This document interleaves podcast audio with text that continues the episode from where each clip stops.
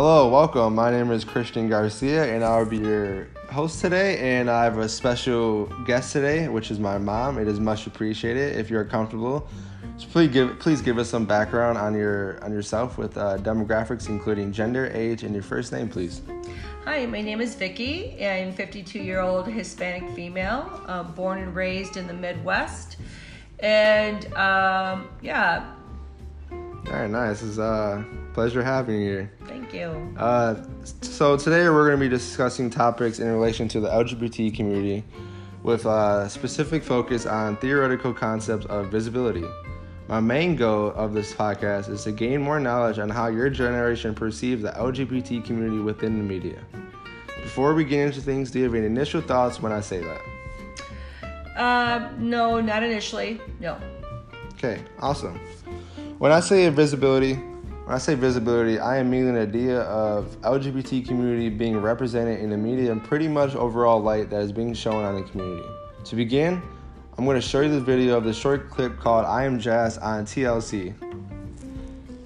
Now that you've seen the video, what were your initial thoughts when her surgery was brought up? I guess I was kind of shocked because at first glance, when you look at the young lady, she does, she looks totally female. I never would have imagined she was a male prior to her surgery. Mm-hmm. So um, I was, yeah, I was just shocked. Does she look like a straight female? She does look like a, a straight female. Um, very pretty young lady. Um, her voice, you know, you just kind of look to see if you could see some features of a male, and I could not find any. And what were your uh, what were you thinking about her being transgender? Um, I was initially thinking at first in shock, but then um, I just seen looked at her like, okay, um, you know, I wonder what brought her to that point. You know, how did she come to that area in her life where um, she didn't want to be female, or she didn't want to be male any longer? Right. Okay. Um, do you think her friends were supportive? I think her friends were very supportive. I think that um, they acknowledged that you know they wanted her to take it slow. Um, you know, she kind of made the, made the comment at the end that she wanted to like right away like fall in love, and they were like, no, you know, you have to just take it slow. So I think they were just you know had her best interest. Um, in concern for her, so I think that right. was good. Do you think they approached the topic correctly, her friends? Yeah, I think they were straightforward. Um, they said, you know, you're a beautiful female, and you know, you just can't put it all out there. You're going to have to take it slow. So they told her, you know, directly what she needed to, you know, to hear. Right. So to get your full opinions on these ideas, I want to do a little experiment. So, can you please close your eyes and imagine you have a child of your own who chooses to switch the gender, right? Explain what that feeling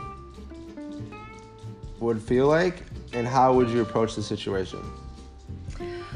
I guess initially I would be totally in shock because um, I just the way I've raised my children, I just um, uh, they feel to me they've always uh, given across the sense that they are confident in who they are and what they are, what they were born as a male um, of all boys. So, um, but initially it would be shock, and then it would be like how and why, how did this come about, um, and why.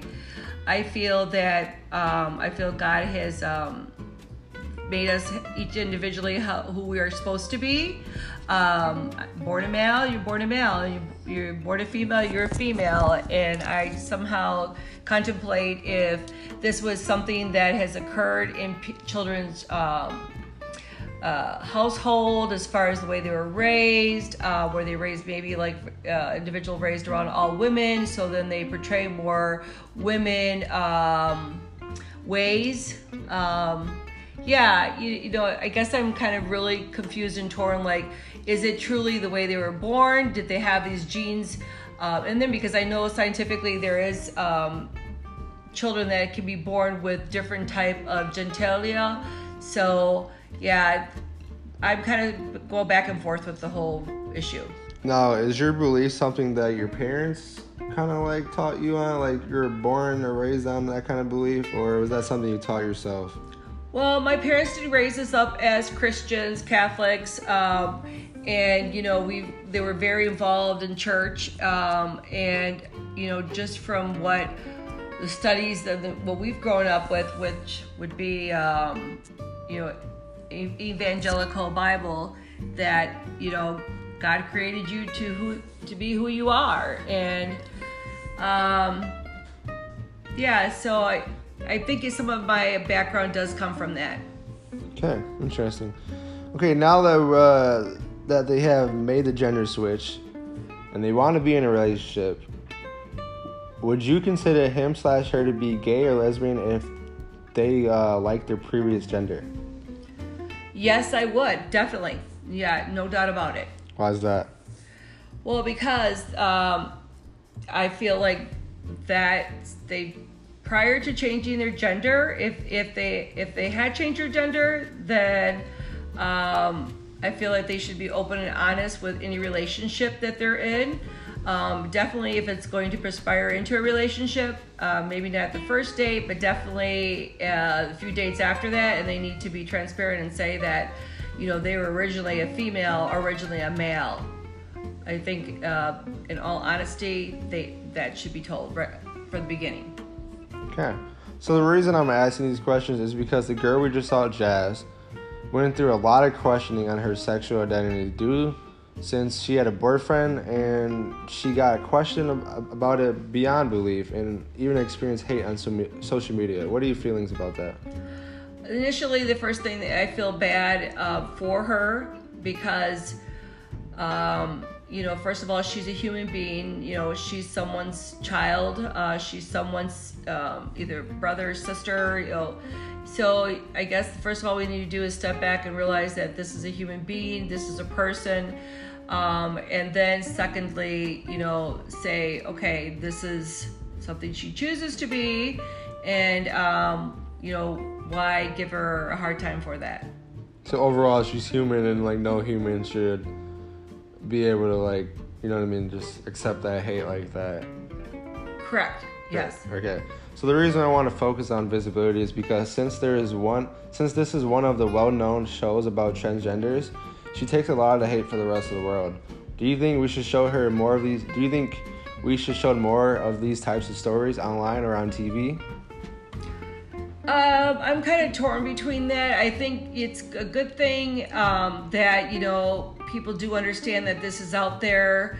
Um, I feel the more that people are shown this, the more they may um, be more open to it. Um, but um, on the other hand, do I really want to be watching this all the time? I, I guess I get uncomfortable, and I guess the bottom line is when we're made to be uncomfortable, that's the when we start to really think about things and possibly change um, our perception about things.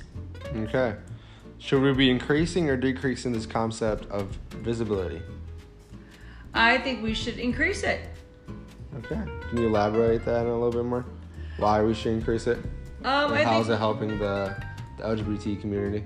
I think we should increase it so then um, you don't have people um, giving, like for instance, like this like young lady getting hate crimes or um, hate, e- um, hate, uh, like you said, that she's experiencing towards her. So I think it, yeah, it On make- social media. in social media, right? I think it would make people more comfortable with uh, talking about it. Yeah. Well, it looks like that that's the bell. Looks like my platform is telling me we're running out of time. But overall, what did you learn from this small lesson on invisibility in Jazz's story? Um, I think what I learned is uh, that, um, you know, I think I have to actually sit back and think like, where are my, um, where are my opinions and thoughts about the situation maybe derived from? And um, if I feel adamant that this is my belief that I need to also stick up for what I believe in too and not just be persuaded to change my thoughts necessarily about everything but also number one is making sure that we're always first number one realizing that this is a human being and um, always still respecting her as a human being Okay, so going off of Jazz's story and that kind of TV show, is that a TV show you would consider watching yourself or have your kids watch? No, I would not. I just, I think for me that um, I have really honestly no interest in it. Um, so I probably wouldn't watch it. Um, I don't know. I just feel kind of uncomfortable even watching it. Okay, so I appreciate you helping me out with this podcast. But I do have one more question. What was your initial thoughts on the LGBT community prior to this? My initial thoughts are that, you know, I don't have a problem with the LGBT community. Um, work also gives us out a lot of emails um, sponsoring them as far as um, they have like a, they have clubs that you can join. I have friends that are um, gays and lesbians, and I truly enjoy being around them. But I don't put my, um, I don't portray my beliefs on them, and then I just feel like I don't want a person to portray their beliefs on me either. I think we should be all individually respected for what we believe in. All right, so going off our little conversation we have, has that altered our like has that altered your belief in any way from our conversation?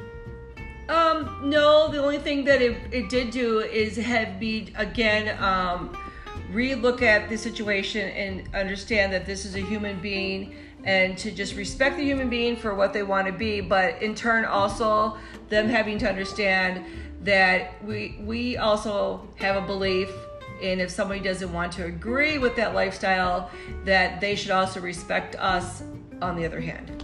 But you do believe that a human is human and like no human deserves hate.